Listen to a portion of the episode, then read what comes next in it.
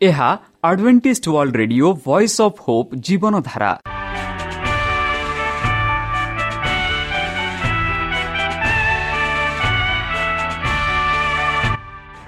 Odia radio କାର୍ଯ୍ୟକ୍ରମ ଯାହା ଆମର ଆନ୍ତର୍ଜାତୀୟ ଆଘାତ କେନ୍ଦ୍ରରୁ ପ୍ରସାରଣ କରାଯାଉଛି ପ୍ରତିଦିନ ରାତି ନଅଟା ତିରିଶ ମିନିଟ୍ରେ। ମୁଁ ସୁବ୍ରତ କୁମାର ପତି ପ୍ରେମର ସହ ଆପଣମାନଙ୍କୁ ଏହି କାର୍ଯ୍ୟକ୍ରମକୁ ସ୍ୱାଗତ କରୁଅଛି। ଚାଲନ୍ତୁ ଆଜିର ତିରିଶ ମିନିଟ୍ର କାର୍ଯ୍ୟକ୍ରମ ବିଷୟରେ ଜାଣିନେବା। ପ୍ରଥମେ ରଖିଛୁ ଆଧ୍ୟାତ୍ମିକ ଭକ୍ତିମୟ ଗୀତ। ଏହାପରେ ଶୁଣିବା ସ୍ୱାସ୍ଥ୍ୟ ବିଷୟରେ ଭକ୍ତଙ୍କଠାରୁ ଜୀବନଦାୟକ ଈଶ୍ୱରଙ୍କ ବାକ୍ୟ। ପ୍ରିୟ ଶ୍ରୋତା ତାହେଲେ ଚାଲନ୍ତୁ ଶୁଣିବା ଏକ ଆଧ୍ୟାତ୍ମିକ ଭକ୍ତିମୟ ଗୀତ।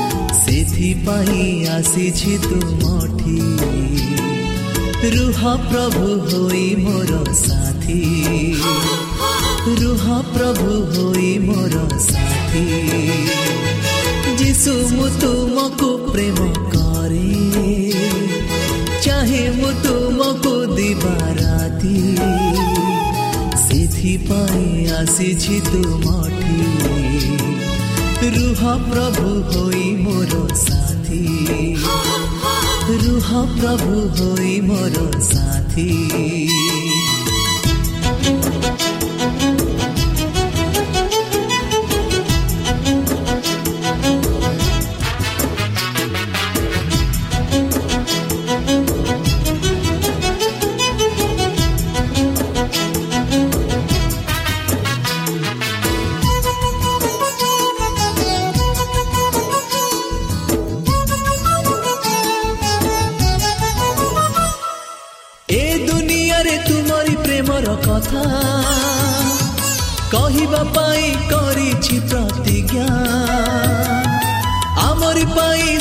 ସହିଲ କଣ୍ଟା ବ୍ୟଥା।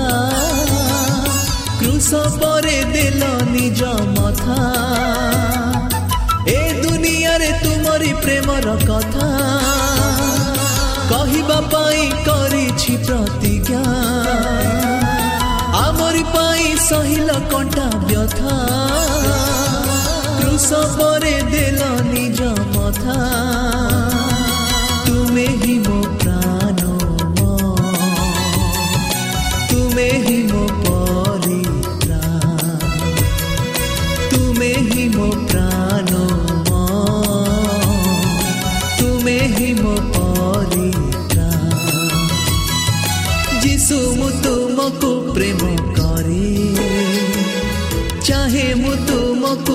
ଦିବାରାତି ସେଥିପାଇଁ ଆସିଛି ତୁମଠି ରୁହ ପ୍ରଭୁ ହୋଇ ମୋର ସାଥୀ ରୁହ ପ୍ରଭୁ ହୋଇ ମୋର ସାଥୀ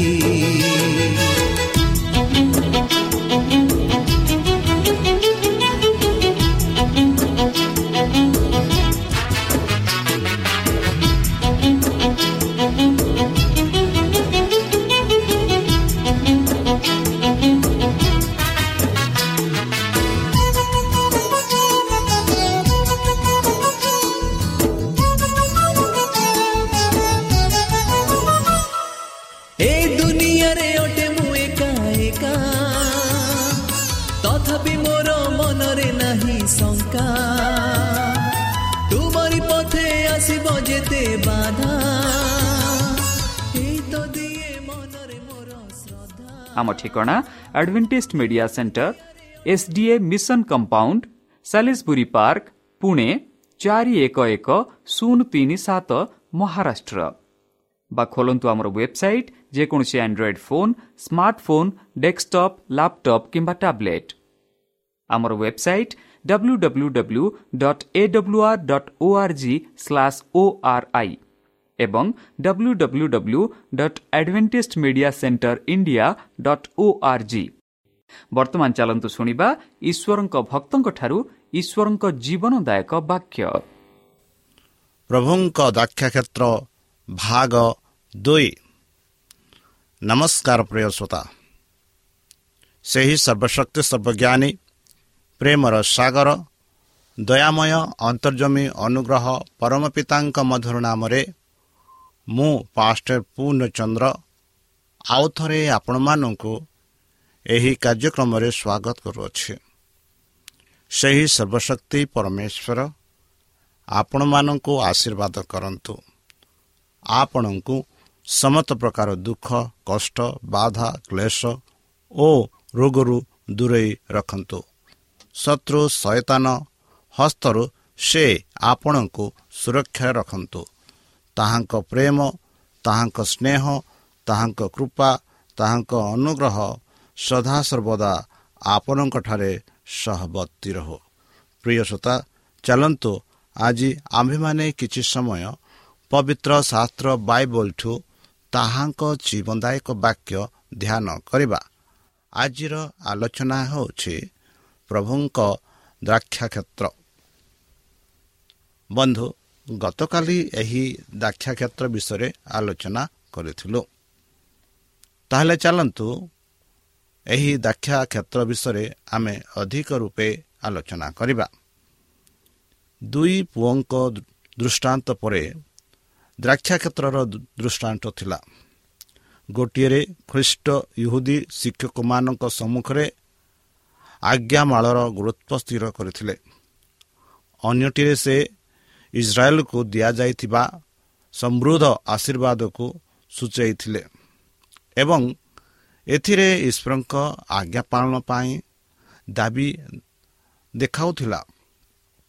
ସେ ସେମାନଙ୍କ ଆଗରେ ଈଶ୍ୱରଙ୍କ ଉଦ୍ଦେଶ୍ୟରେ ଗୌରବ ସ୍ଥିରୀ ସ୍ଥିତି ବା ସ୍ଥିର କରିଥିଲେ ଯାହା ଆଜ୍ଞା ପାଳନ ମାଧ୍ୟମରେ ସେମାନେ ପୂରଣ କରିପାରିଥାନ୍ତି।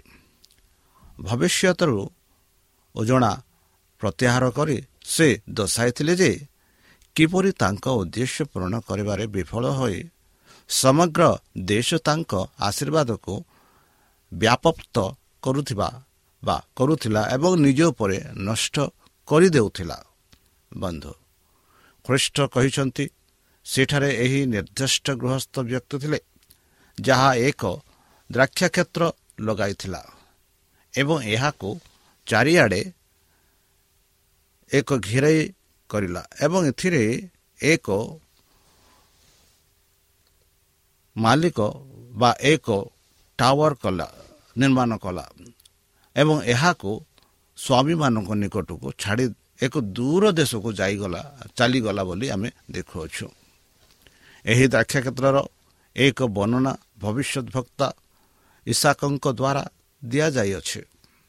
ଯାହା ଆମେ ଇସା ଇସାୟ ଜିସାୟ ପାଞ୍ଚରେ ଏକ ଦୁଇରେ ପାଉଛୁ ବର୍ତ୍ତମାନ ମୁଁ ମୋର ପ୍ରିୟ ବ୍ୟକ୍ତିଙ୍କ ଏବଂ ଏକ ଗୀତ ଗାଇବି ଯାହା ମୋର ପ୍ରିୟ ତାଙ୍କ ଦାକ୍ଷା କ୍ଷେତ୍ରକୁ ସ୍ପର୍ଶ କରୁଛି ବୋଲି ମୋର ପ୍ରିୟମାନେ ଏକ ଫଳପ୍ରଦ ପାହାଡ଼ରେ ଏକ ଦ୍ରାକ୍ଷା କ୍ଷେତ୍ରକୁ ଆସିଛନ୍ତି ସେ ଏହାକୁ ବାଡ଼ କରି ଏହାର ପଥର ଗୁଡ଼ିକ ଏକତ୍ରିତ କଲେ ଏବଂ ଏହାକୁ ପସନ୍ଦକାରୀ ଲଢ଼ା ଲତା ସହିତ ଲଗାଇଲେ ଏବଂ ଏହା ମଧ୍ୟରେ ଏକ ଗଡ଼ ନିର୍ମାଣ କଲେ ଏବଂ ଏଥିରେ ସେ ଦ୍ରାକ୍ଷାରସ ମଧ୍ୟ ତିଆରି କରି ସେହି ଲତାସଟି ଦେଲେ ବୋଲି କହୁଅଛି ଏବଂ ସେ ଦେଖିଲେ ଯେ ଏହା ଏହି ଅଙ୍ଗୁର ଏହି ଦ୍ରାକ୍ଷାରସର ଏହି ଲତାରେ ହେବା ଉଚିତ। ବନ୍ଧୁ ସ୍ୱାମୀ ମରୁଭୂମିର ଏକ ଜମି ବାଛିଛନ୍ତି। ସେ ବାଡ଼ ସେ ସଫା କରନ୍ତି ଏବଂ ଏହାକୁ ଖୋଲନ୍ତି ଏବଂ ଏହାକୁ ସେ ପସନ୍ଦ କରନ୍ତି। ତାହିଁ ନୁହେଁ ସହିତ ଉଦ୍ଧିତ କରନ୍ତି ଏକ ସମୃଦ୍ଧ ଅମଳ ଆଶା କରନ୍ତି କି ଏହି କଷ୍ଟରେ ଏକ ସୁନ୍ଦର ଭାବରେ ହଳ ହେବ। ଭୂମିର ଏହି ଷଡ଼ଯନ୍ତ୍ର ଅଣାଚାଷ ହୋଇଥିବା ବାଜ୍ୟବସ୍ତୁ ପ୍ରତି ଏହାର ଶ୍ରେଷ୍ଠତାରେ ସେ ତାଙ୍କ ଯତ୍ନର ଫଳାଫଳ ଦେଖାଇ ଏବଂ ଏହାର ଚାଷରେ ପରିଶ୍ରମ କରି ତାଙ୍କୁ ସମ୍ମାନ କରିବେ ବୋଲି ସେ ଆଶା କରନ୍ତି। ତେଣୁ ଈଶ୍ୱରଙ୍କ ଖ୍ରୀଷ୍ଟଙ୍କ ଦ୍ୱାରା ତାଲିମ ପ୍ରାପ୍ତ ଏବଂ ଶିକ୍ଷିତ ହେବା ପାଇଁ ଦୁନିଆରେ ଜଣେ ଲୋକଙ୍କୁ ଛାଡ଼ି ଦେଇଛନ୍ତି ଭବିଷ୍ୟତ ଭକ୍ତ ଜିସାୟ କହନ୍ତି ଆୟୋଜକ ପ୍ରଭୁଙ୍କ ଦ୍ରାକ୍ଷାକ୍ଷେତ୍ର ହେଉଛି ଇସ୍ରାଏଲର ଘର ଏବଂ ଜୁହୁଦାର ପଶୁମାନେ ପୁରୁଷମାନେ ତାଙ୍କର ସୁଖଦ ଉତ୍ତିଦ ବୋଲି ଜିସାୟ ଭବିଷ୍ୟତ ବକ୍ତା ଲେଖୁଛନ୍ତି। ଏହା ଉପରେ ଈଶ୍ୱର ବହୁତ ସୁବିଧା ପ୍ରଦାନ କରିଥିଲେ। ତାଙ୍କର ପ୍ରଚୁର ଉତ୍ତମତାରୁ ସେମାନଙ୍କୁ ସମୃଦ୍ଧ ଆଶୀର୍ବାଦ ଦେଇଥିଲେ। ଫଳ ଦେଇ ତାଙ୍କୁ ସମ୍ମାନ ଦେବା ପାଇଁ ସେ ସେମାନଙ୍କୁ ଖୋଜିଥିଲେ। ସେମାନେ ତାଙ୍କ ରାଜ୍ୟର ନୀତି ପ୍ରକାଶ କରିବାକୁ ଯାଉଥିଲେ। ଏକ ପତିତ ଦୁଷ୍ଟ ଦୁନିଆ ମଧ୍ୟରେ ସେମାନେ ଈଶ୍ୱରଙ୍କ ଚରିତ୍ରକୁ ପ୍ରତିନିଧିତ୍ୱ କରିବାକୁ ଯାଉଥିଲେ। ବନ୍ଧୁ ପ୍ରଭୁଙ୍କ ଦାକ୍ଷ କ୍ଷେତ୍ର ଭାବରେ ସେମାନେ ସାରା ପୃଥିବୀରେ ସମ୍ପୂର୍ଣ୍ଣ ଭିନ୍ନ ଫଳ ଉତ୍ପନ୍ନ କରିବାକୁ ଯାଉଥିଲେ। ଏହି ମହତ୍ଵ ଲୋକମାନେ ଦୁଷ୍ଟତା କାମ କରିବାକୁ ନିଜକୁ ଦେଇଥିଲେ ବନ୍ଧୁ। ହିଂସା ଏବଂ ଅପରାଧ ଲୋଭ ଅତ୍ୟାଚାର ଏବଂ ସବୁଠାରୁ ଦୁର୍ନୀତିଗ୍ରସ୍ତ ଅଭ୍ୟାସ ବିନା ସଂଯୋଗତାରେ ଲିପ୍ତି ହୋଇଥିଲେ ବନ୍ଧୁ। ଅଧର୍ମ ଅବକ୍ଷୟ ଏବଂ ଦୁଃଖ ଦୁର୍ନୀତିଗ୍ରସ୍ତ ଗଛର ଫଳ ସେମାନଙ୍କଠାରେ ଥିଲା।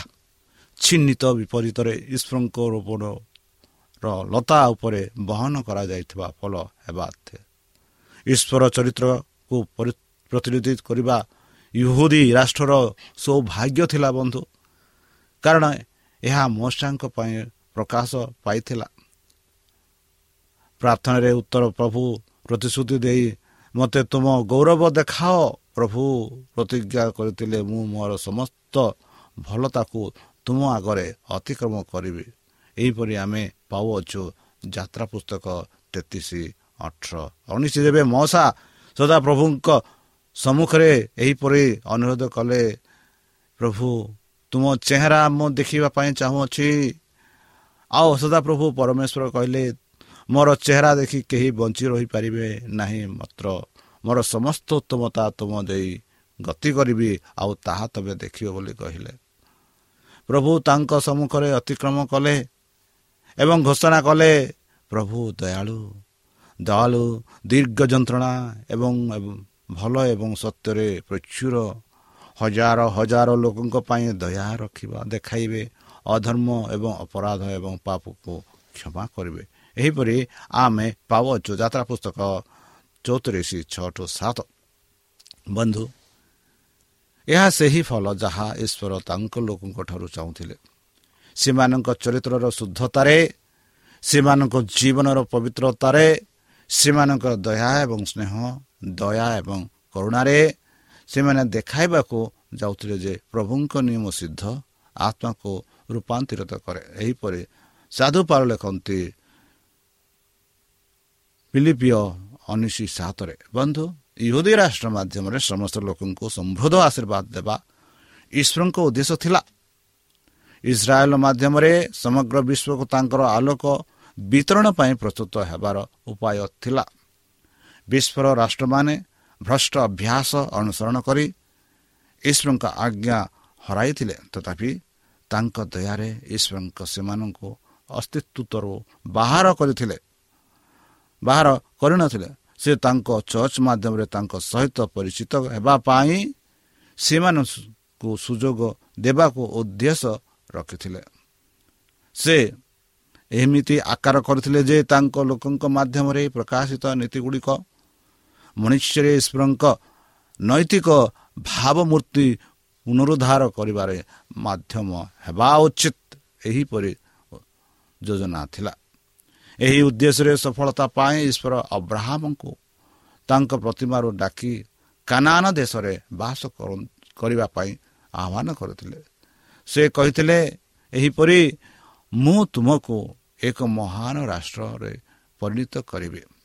ଏବଂ ମୁଁ ତୁମକୁ ଆଶୀର୍ବାଦ କରିବି ଏବଂ ତୁମମାନଙ୍କୁ ମହାନ କରିବି ଏବଂ ତୁମେ ଏକ ଆଶୀର୍ବାଦ ହେବ ବୋଲି ସେ ଅବ୍ରାହମକୁ କହିଲେ। ପଢ଼ନ୍ତୁ ଆଦି ପୁସ୍ତକ ବାର ଦୁଇ। ବନ୍ଧୁ ଅବ୍ରାହମ ଯାଦବ ଏବଂ ତାଙ୍କ ପରବର୍ତ୍ତୀ ଏବଂ ବଂଶଧରମାନଙ୍କୁ ମିଶ୍ର ଅଣାଯାଇଥିଲା ଯେ ସେହି ମହାନ ଏବଂ ଦୁଷ୍ଟ ରାଷ୍ଟ୍ର ମଧ୍ୟରେ ସେମାନେ ଈଶ୍ୱରଙ୍କ ରାଜ୍ୟର ନୀତି ପ୍ରକାଶ କରିପାରନ୍ତି। ଜୋସେଫଙ୍କ ଅଖଣ୍ଡତା ଏବଂ ସମଗ୍ର ମିଶରୀୟଙ୍କ ଜୀବନକୁ ସଂରକ୍ଷଣ କରିବାରେ ତାଙ୍କ ଚମତ୍କାର କାର୍ଯ୍ୟ ଖ୍ରୀଷ୍ଟଙ୍କ ଜୀବନ ପ୍ରତିନିଧିତ୍ୱ ଥିଲା। ମଶାଙ୍କ ଏବଂ ଅନ୍ୟ ଅନେକ ଈଶ୍ୱରଙ୍କ ସାକ୍ଷୀ ଥିଲେ। ବନ୍ଧୁ ମିଶ୍ରରୁ ଇସ୍ରାଏଲ ଆଣିବାରେ ପ୍ରଭୁ ପୁନର୍ବାର ତାଙ୍କ ଶକ୍ତି ତାଙ୍କର ଶକ୍ତି ଏବଂ ଦୟା ପ୍ରକାଶ କରିଥିଲେ। ବନ୍ଧନରୁ ମୁକ୍ତି କଲେ ତାଙ୍କ ଚମତ୍କାର କାର୍ଯ୍ୟ ଏବଂ ମରୁଭୂମି ଦେଇ ଯାତ୍ରାରେ ସେମାନଙ୍କ ସହିତ ତାଙ୍କ କାରବାର କେବଳ ସେମାନଙ୍କର ଲାଭ ପାଇ ଥିଲା ଏଗୁଡ଼ିକ ଆଖପାଖ ରାଷ୍ଟ୍ରମାନଙ୍କ ପାଇଁ ଏକ ବସ୍ତୁ ଶିକ୍ଷା ଭାବରେ ଦେବାକୁ ଥିଲା ବନ୍ଧୁ। ପ୍ରଭୁ ନିଜକୁ ସମସ୍ତ ମାନବ ଅଧିକାର ଏବଂ ମହାନତା ଉପରେ ଈଶ୍ୱରଙ୍କ ଭାବରେ ପ୍ରକାଶ କରିଥିଲେ। ସେ ତାଙ୍କ ଲୋକଙ୍କ ତରଫରୁ କରିଥିବା ସଂକେତ ଏବଂ ଆଚର୍ଯ୍ୟ ପ୍ରକୃତି ଉପରେ ସେ ପ୍ରକୃତିକୁ ପୂଜା କରୁଥିବା ସର୍ବଶ୍ରେଷ୍ଠଙ୍କ ଉପରେ ତାଙ୍କର ଶକ୍ତି ଦେଖାଇଲେ। ଈଶ୍ୱର ମିଶ୍ର ଗର୍ଭିତ ଭୂମି ଦେଇ ଗତି କଲେ କାରଣ ସେ ଶେଷ ଦିନରେ ପୃଥିବୀ ଦେଇ ଯିବେ। ଅଗ୍ନି ଏବଂ ଝଡ଼ ଭୂକମ୍ପ ଏବଂ ମୃତ୍ୟୁ ସହିତ ମୁଁ ମହାନ ତାଙ୍କ ଲୋକଙ୍କୁ ମୁକ୍ତି କଲି।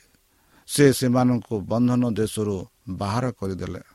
ସେ ସେମାନଙ୍କୁ ମହାନ ଏବଂ ଭୟଙ୍କର ମରୁଭୂମି ଦେଇ ନେଇଗଲେ। ଯେଉଁଥିରେ ଜ୍ୱଳନ୍ତ ସର୍ପ ଏବଂ ବିଛା ଏବଂ ମରୁଡ଼ି ଥିଲା ଏହିପରି ଆମେ ପାଉଛୁ ଦ୍ୱିତୀୟ ବିବରଣ ଆଠ ପନ୍ଦରରେ। ବନ୍ଧୁ ଆମେ ଫିଲିପିୟସ୍ ଆମେ ଏହିପରି ପାଉଛୁ ସେ ସେମାନଙ୍କୁ ପଥର ଏବଂ ଚମତ୍କାର ପାଣି ଆଣି ସ୍ୱର୍ଗର ମକା ଖାଇବାକୁ ଦେଲେ ବୋଲି ଆମେ ପାଉଅଛୁ ଗୀତ ସଙ୍ଗୀତ ଅଠସ୍ତରୀ ଚବିଶ।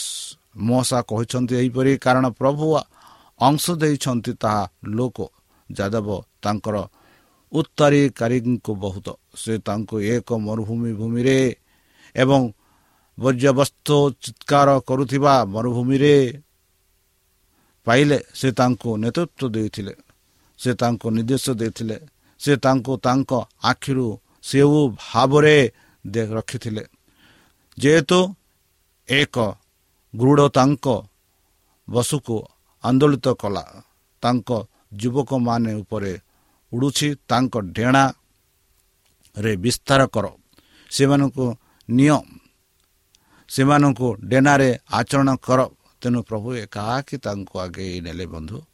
ଏବଂ ତାଙ୍କ ସହିତ କୌଣସି ଅଭୂତ ଦେବାର ନଥିଲା। ଏହିପରି ଆମେ ଦ୍ୱିତୀୟ ବିବରଣ ବତିଶ ନଅ ଟୁ ବାର ଏହିପରି ଆମେ ପାଉଅଛୁ। ଏପରି ସେ ସେମାନଙ୍କୁ ନିଜ ପାଖକୁ ଆଣିଲେ ସେ ଯେ ସେମାନେ ସବୁଠାରୁ ଉଚ୍ଚର ଛାୟ ତଳେ ବାସ କରିପାରନ୍ତି।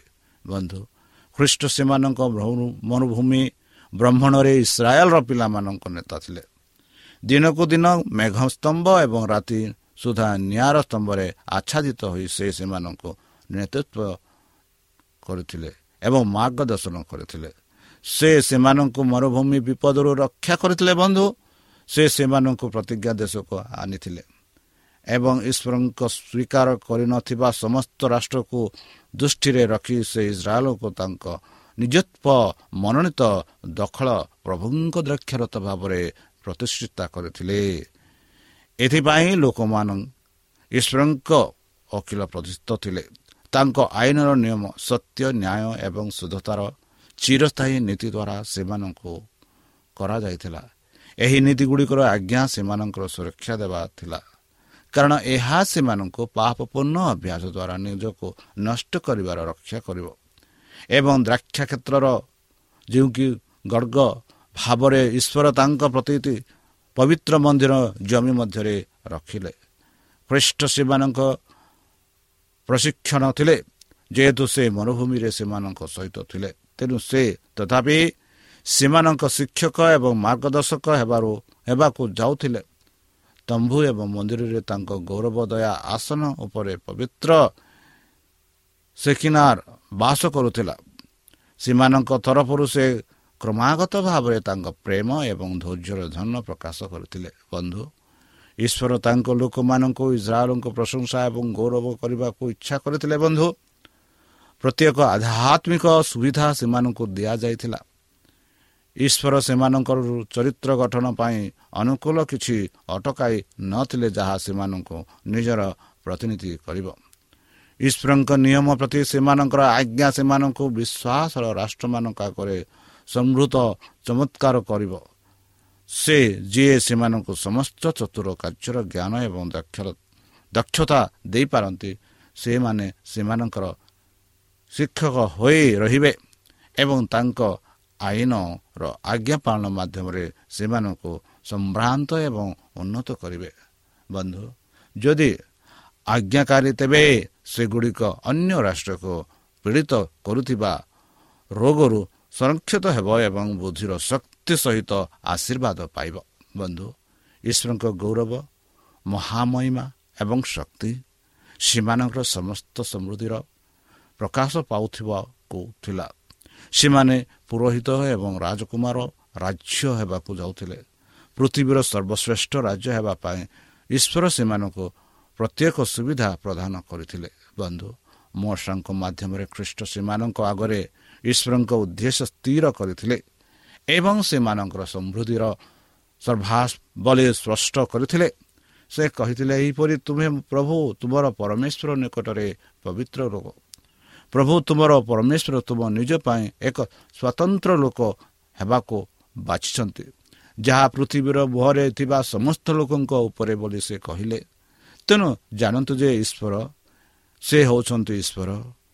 ବିଶ୍ୱସ୍ତ ଈଶ୍ୱର ଯାହା ତାଙ୍କୁ ଭଲ ପାଉଥିବା ଏବଂ ଏକ ହଜାର ପିଢ଼ି ପାଇଁ ତାହାଙ୍କ ଆଜ୍ଞା ପାଳନ କରୁଥିବା ସେମାନଙ୍କ ସହିତ ଚୁକ୍ତି ଏବଂ ଦୟା ରଖେ ବୋଲି ଆମେ ପାଉଛୁ ଏହିପରି ଆମେ ଭଉଣୀ ଏଲ୍ଏନ୍ଜି ୱାଇଟ୍ ଲେଖୁଛନ୍ତି ତେଣୁ ତୁମ ଆଜ୍ଞା ଏବଂ ନିୟମ ଏବଂ ବିଚାର ଯାହା ମୁଁ ଆଜି ଦିନ ତୁମକୁ ନିର୍ଦ୍ଦେଶ ଦେଉଛି ସେଗୁଡ଼ିକ କରିବାକୁ ରଖ ବୋଲି ଆମେ ପାଉଛୁ ତୁମମାନେ ତୁମେମାନେ ଏହି ବିଚାର ଗୁଡ଼ିକ ଶୁଣିବ ଓ ସେଗୁଡ଼ିକ ରଖ। ତୁମର ପରମେଶ୍ୱର ତୁମର ପରମେଶ୍ୱର ତୁମର ପିତାଙ୍କ ପାଇଁ ଯେଉଁ ଦୟାରେ ସଦାପ୍ରଭୁ ତୁମର ପରମେଶ୍ୱରଙ୍କୁ ଶୁଣାଇ ପରମେଶ୍ୱର ଶୁଣାଇଥିଲେ ସେ ତୁମକୁ ଭଲ ପାଇବେ ବୋଲି ମଉସା କହନ୍ତି ଏବଂ ତୁମକୁ ଆଶୀର୍ବାଦ କରିବେ ବୋଲି ସେ କହନ୍ତି ଏବଂ ତୁମକୁ ବହୁ ଗୁଣିତ କରିବେ। ସେ ତୁମର ଗର୍ଭ ଭଲ ହେବ ଏବଂ ତୁମର ଭୂମି ତୁମର ମକା ଓ ତୁମର ମଦ ଓ ତୁମର ତେଲ ତୁମର କିଣର ବୃଦ୍ଧି ଏବଂ ତୁମର ମେଣ୍ଢାର ଫଲ ଫଲ ଯେଉଁ ଦେଶର ସେ ତୁମ ପିତାମାନଙ୍କୁ ଦେବା ପାଇଁ ସାବଧାନ ରୁହନ୍ତି ତୁମେ ସମସ୍ତ ଲୋକଙ୍କ ଠାରୁ ଆଶୀର୍ବାଦ ପାଇବ ବୋଲି ପରମେଶ୍ୱର ଆପଣା ଦାସଙ୍କ ଦ୍ୱାରା ଇସ୍ରାଏଲ ପ୍ରଜାମାନଙ୍କୁ ଏହିପରି କହିଥିଲେ ଏବଂ ପ୍ରଭୁ ସମସ୍ତ ଅସ୍ତୁତାର ଦୂରେଇ ଯିବେ ଏବଂ ମିଶ୍ର କୌଣସି ମନ୍ଦ ରୋଗରୁ ରଖିବେ ନାହିଁ। ଯାହା ଆପଣ ଜାଣନ୍ତି ବନ୍ଧୁ।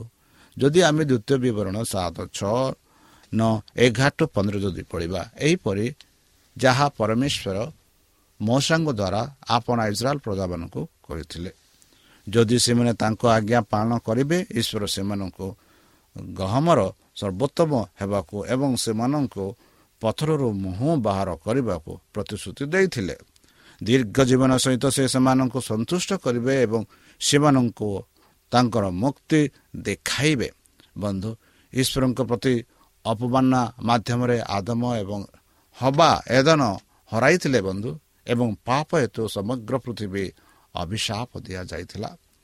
କିନ୍ତୁ ଯଦି ଈଶ୍ୱରଙ୍କ ଲୋକମାନେ ତାଙ୍କ ନିର୍ଦ୍ଦେଶ ପାଳନ କରନ୍ତି ତେବେ ସେମାନଙ୍କ ଜମି ପ୍ରଜନନ ଏବଂ ସୌନ୍ଦର୍ଯ୍ୟରୁ ପୁନରୁଦ୍ଧାର କରାଯିବ। ଈଶ୍ୱର ନିଜେ ସେମାନଙ୍କୁ ମାଟିର ସଂସ୍କୃତି ସମ୍ବନ୍ଧରେ ନିର୍ଦ୍ଦେଶ ଦେଇଥିଲେ ଏବଂ ସେମାନେ ଏହାର ପୁନରୁଦ୍ଧାର ତାଙ୍କ ସହିତ ସେ ସହଯୋଗ କରିବାକୁ ଯାଉଥିଲେ। ଏହିପରି ଈଶ୍ୱରଙ୍କ ନିୟନ୍ତ୍ରଣରେ ଥିବା ସମଗ୍ର ଭୂମି ଆଧ୍ୟାତ୍ମିକ ସତ୍ୟରେ ଏକ ବସ୍ତୁ ଶିକ୍ଷାରେ ପରିଣତ ହେବ।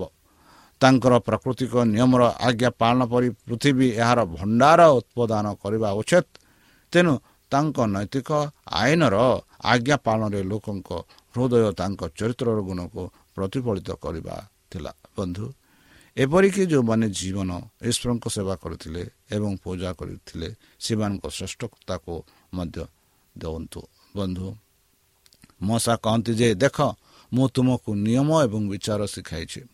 ଏପରିକି ପ୍ରଭୁ ମୋର ଈଶ୍ୱର ମୋତେ ନିର୍ଦ୍ଦେଶ ଦେଇଥିଲେ ଯେ ତୁମେ ସେହି ଦେଶର ଏହା କରିବା ଉଚିତ ଯାହାଦ୍ୱାରା ତୁମ ଏହାକୁ ପାଇବାକୁ ଯାଅ। ବନ୍ଧୁ ପରମେଶ୍ୱର ଯେଉଁ ପ୍ରତିଶ୍ରୁତି ଆପଣା ଇସ୍ରାଏଲ ପ୍ରଜାମାନଙ୍କୁ ଦେଇଥିଲେ ସେହି ପ୍ରତିଶ୍ରୁତି ଆମମାନଙ୍କୁ ଆସୁଅଛି। ଯେପରି ମଶାଙ୍କ ଦ୍ୱାରା ପରମେଶ୍ୱର ଇସ୍ରାଏଲ ପ୍ରଜାମାନଙ୍କୁ ଯେଉଁ ଆଶୀର୍ବାଦର ପ୍ରତିଶ୍ରୁତି ଦେଇଥିଲେ ସେହି ପ୍ରତିଶ୍ରୁତି ଆଜି ଆମମାନଙ୍କ ପାଖକୁ ଆସୁଅଛି।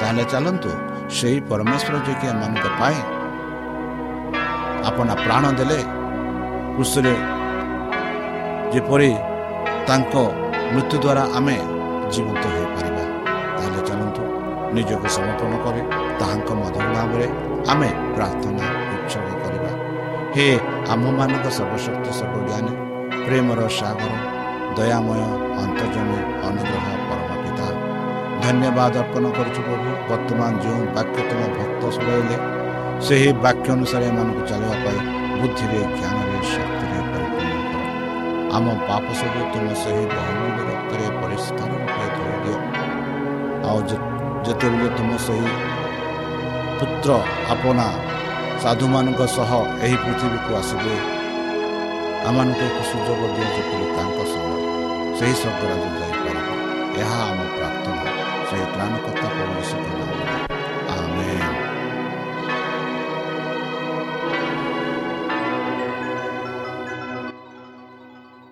ପ୍ରିୟ ଶ୍ରୋତା ଆମେ ଆଶା କରୁଛୁ ଯେ ଆମର କାର୍ଯ୍ୟକ୍ରମ ଆପଣମାନଙ୍କୁ ପସନ୍ଦ ଲାଗୁଥିବ। ଆପଣଙ୍କର ମତାମତ ଜଣାଇବା ପାଇଁ ଆମର ଏହି ଠିକଣାରେ ଯୋଗାଯୋଗ କରନ୍ତୁ। ଆମ ଠିକଣା Adventist Media Centre SDA Mission Compound Salisbury Park Pune ଚାରି ଏକ ଏକ ଶୂନ ତିନି ସାତ ମହାରାଷ୍ଟ୍ର। ବା ଖୋଲନ୍ତୁ ଆମର ୱେବସାଇଟ୍ ଯେକୌଣସି Android phone smartphone desktop laptop କିମ୍ବା ଟ୍ୟାବ୍ଲେଟ୍ ଆମର website W W W dot A W R dot O R G slash O R I ଏବଂ W W W dot Adventist media centre India dot O R G Adventist media centre ଇଣ୍ଡିଆର spelling ହେଉଛି A D V E N T I S T M E D I A C E N T R E I N D I A ଅଥବା download କରନ୍ତୁ ଆମର mobile app ଆପଣଙ୍କର mobile play ଷ୍ଟୋରକୁ ଯାଆନ୍ତୁ ଆଉ type କରନ୍ତୁ the Voice of Hope ଆଉ download କରନ୍ତୁ। ଈଶ୍ୱର ଆପଣଙ୍କୁ ଆଶୀର୍ବାଦ କରନ୍ତୁ। ଧନ୍ୟବାଦ।